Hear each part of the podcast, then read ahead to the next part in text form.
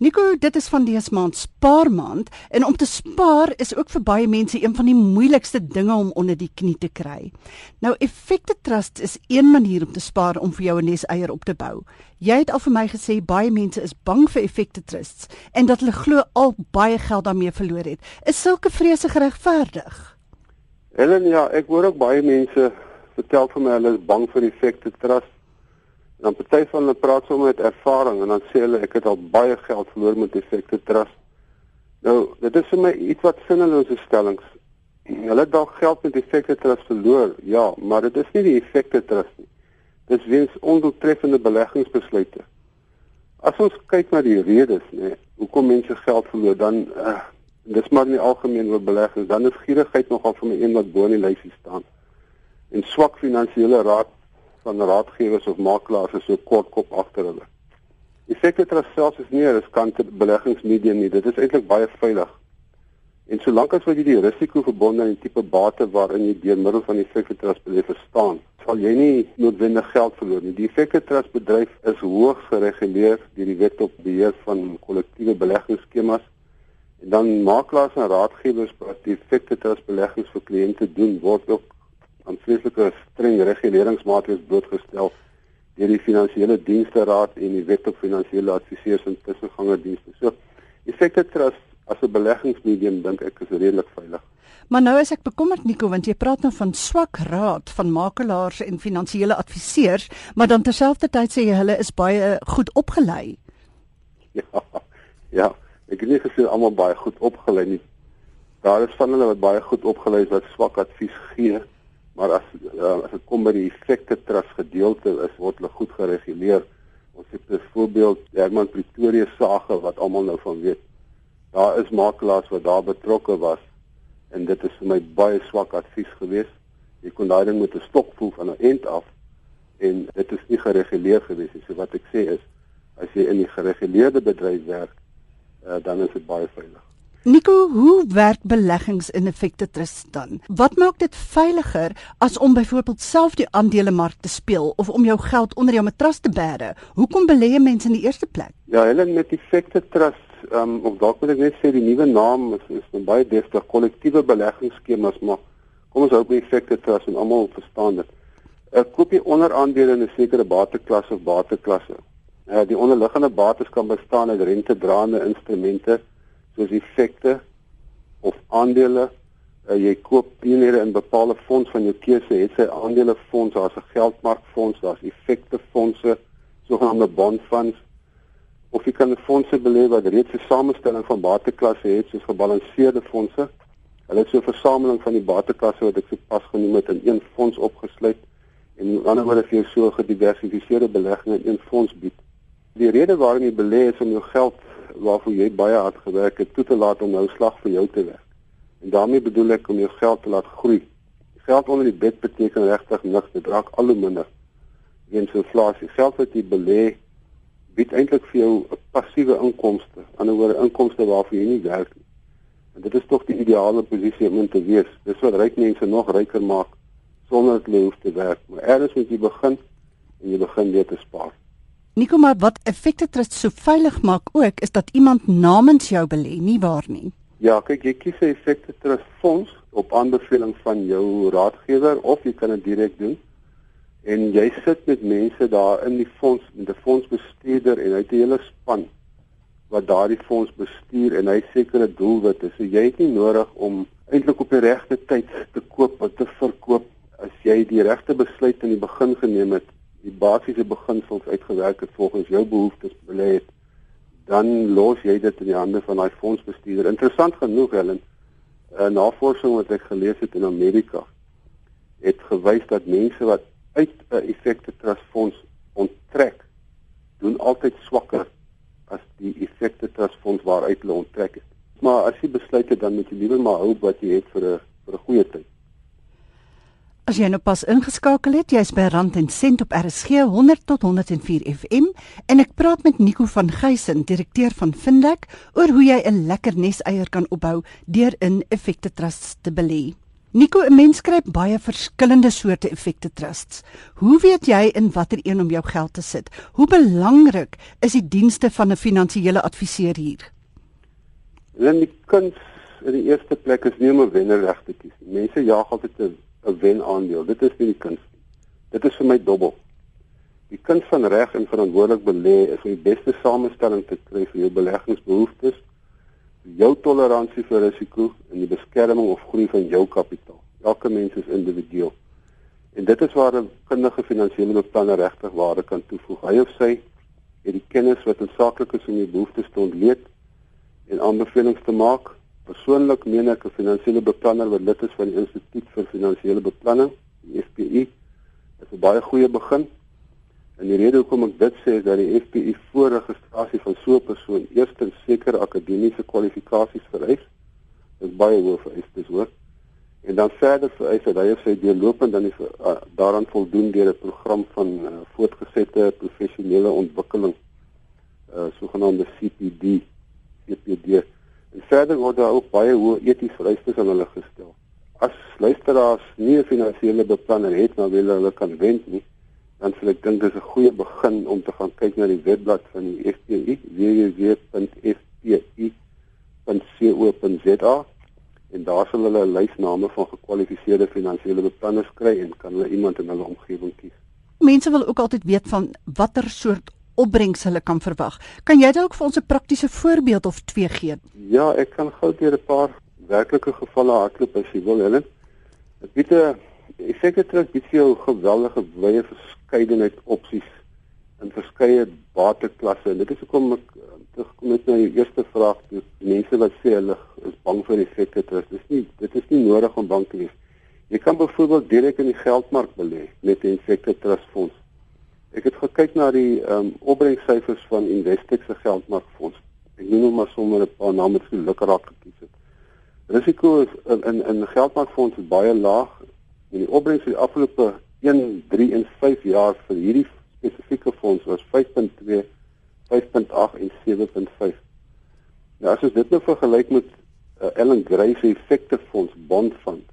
Hy het 'n bietjie hoër risiko maar hy is nog steeds laag medium Hy het oor die afgelope 1, 3 en 5 jaar onderskeidelik 12.5, 11.3 en 11.6% per jaar opbrengs gelewer. Nou gaan kyk ons na uh, Coronation se strategiese inkomste fonds. Hy het ook 'n lae risiko profiel, maar hy het oor daai selfde tydperke 1, 3 en 5 jaar onderskeidelik 12.2, 10.7 en 10.9% per jaar opbrengs gelewer. Dit is nog steeds 'n baie veilige fonds, lae risiko Maar waar die ander twee fondse het bo wat ek nou so pas genoem het in kontantbeleggings en effekte belê, is hierdie fondse van hierdie uh, coronation fund ook versprei in bateklasse en belê primêr daarin maar hy ook in aandele en eiendom en selfs 'n bietjie daarvan is in die buiteland. En dan het jy meer as riskante opsies. Nou, as jy kyk na byvoorbeeld ou Mutual se genoteerde eiendomsfonds, hy het oor die afgelope jare 36%, 21% en amper 20% oor 5 jaar gelewer. Ellen Gray se aandelefonds loop so 17, 14 en amper 10% per jaar. Coronation se top 20 fonds 20%, 15% en 14% oor daai termyne van 1, 3 en 5 jaar. Natuurlik, dis altyd die probleem waarmee mense doen het. Die opbrengste van die verlede is nie 'n waarborg vir die opbrengste in die toekoms nie. Dit moet mense asseblief altyd onthou. En dit is hoekom ek sê as jy wil belê, is dit goed om die dienste van 'n kundige beleggingsraadgewer te kry. Jy's by Rand en Sent op RSG 100 tot 104 FM en ek praat met Nico van Geysen, direkteur van Finlek oor Effekte Trusts. Ek is Helen Ukerman. Nico, soos jy nou nou gesê het, mens moet nou nie dobbel nie en ek gebruik dobbel natuurlik nou hier in aanhalingstekens. Wat bedoel jy daarmee? Praat jy van diversifikasie? Helen met dobbel kan ek miskien kortweg sê bedoel ek eintlik reuse, daai najaag van reuse opbrengs of onrealistiese opbrengs. Kansvattery kansvattery. Ehm um, jy weet ek wil al my geld op 'n wenperd sit, daai tipe ding. Jy weet jy ek kan daai mense sommer uitken as hulle met my praat en hulle begin vra is wat so opbrengs kan jy kry? Hulle vra nie wat moet ek doen om eendag 'n goeie aftrede verseker of help my om my kapitaal te bou of ek het hierdie geld, ek wil 'n goeie inkomste kry nie. Hulle sê net wat se opbrengs. Nou dit is vir my baie na 'n dobbel net om terug te kom by die kwessie van makelaars, dis musiek en daai onetiese makelaars se ore. En Herman Pretoria se sage van onlangs is 'n skitterende voorbeeld want dis sommer gou dan sy rekenaarskerm oop en wys hoe goeie opbrengs wat jy hier en daar kan kry en risiko die kans dat jy jou geld of baie daarvan of in baie gevalle meeste daarvan gaan verloor word nou nie eers bespreek nie. Dis net hierdie vreese opbrengs. Die diversifikasie is maar bloot die verspreiding van jou bates of van jou geld as jy spaar. Die kuns is dat jy moet so belê dat jy nie al jou geld in een enkele bate of bateklas het nie, want as die mark vir daardie bateklas val, kan jy al jou geld daarmee saamval.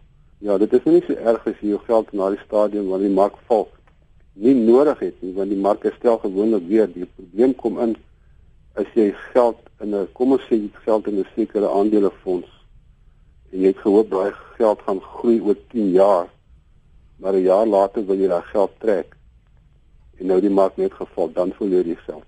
Maar al is effekte trust dan redelik veilig, is daar tog sekerlik risiko's soos met enige belegging, soos jy ook nou nou gesê het. Wat is die basiese beginsels van beleggingsrisiko?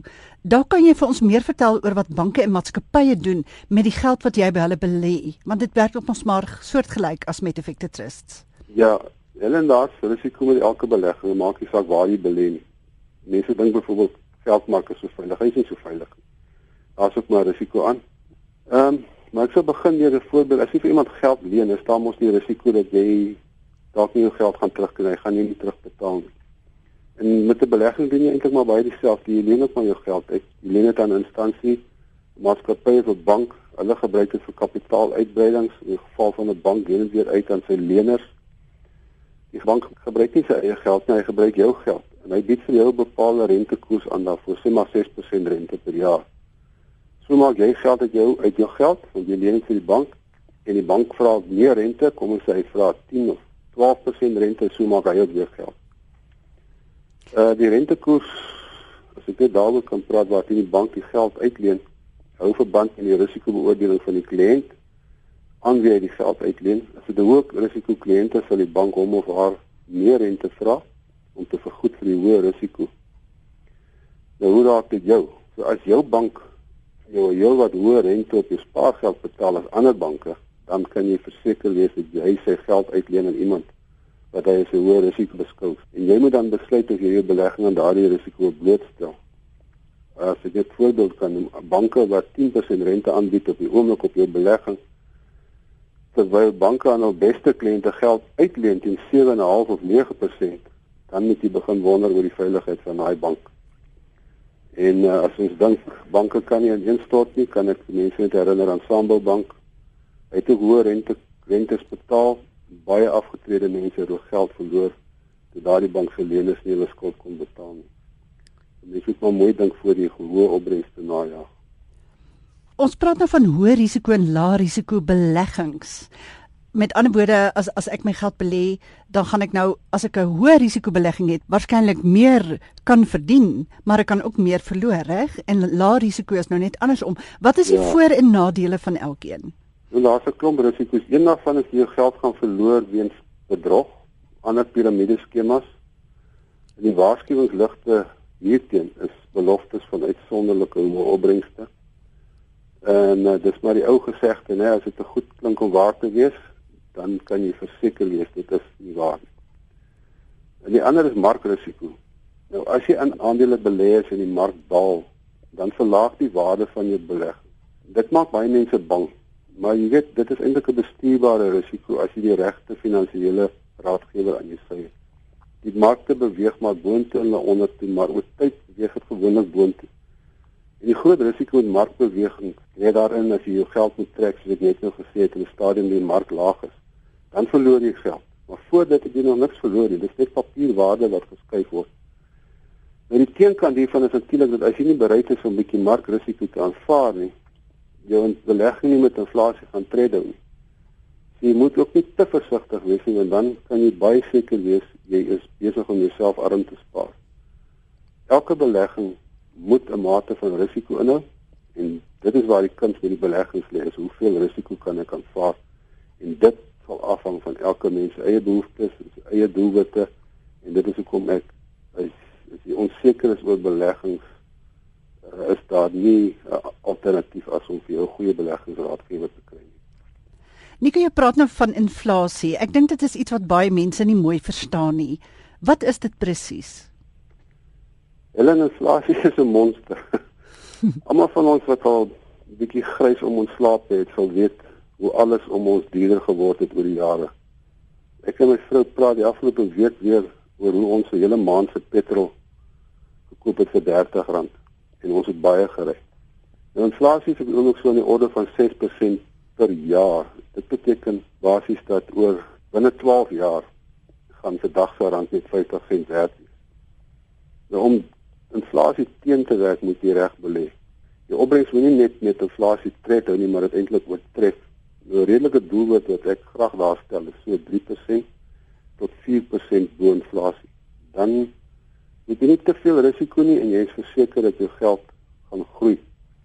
As jy te veel kansse vat, kan jy natuurlik ook maar onderdeel loop.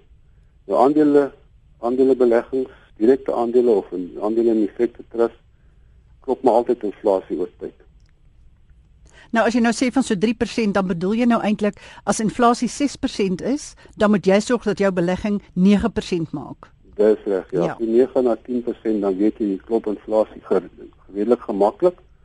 En ehm um, met die huidige beleggingsklasse fondse waarin jy kan belê, is 'n 10% opbrengs, 11% opbrengs sonder te veel risiko is, is redelik haalbaar. Jy luister na Rand en Sent op RSG en ons praat vanmiddag met Nico van Geysen, direkteur van Finlek oor Effekte Trusts. Dit is mos spaarmaand en Effekte Trusts is 'n lekker manier om jou spaarvaartjie voller te maak. Nico, hoe lank moet ek in Effekte Trusts belê om voordeel te trek? 5 jaar, 10 jaar? Die mark beweeg mos maar altyd op en af of in siklusse, soos mense dit noem. Ek vind dit is 'n ekonomiese rede dan af. dit hang af van jou beleggingsdoelwit, Helen.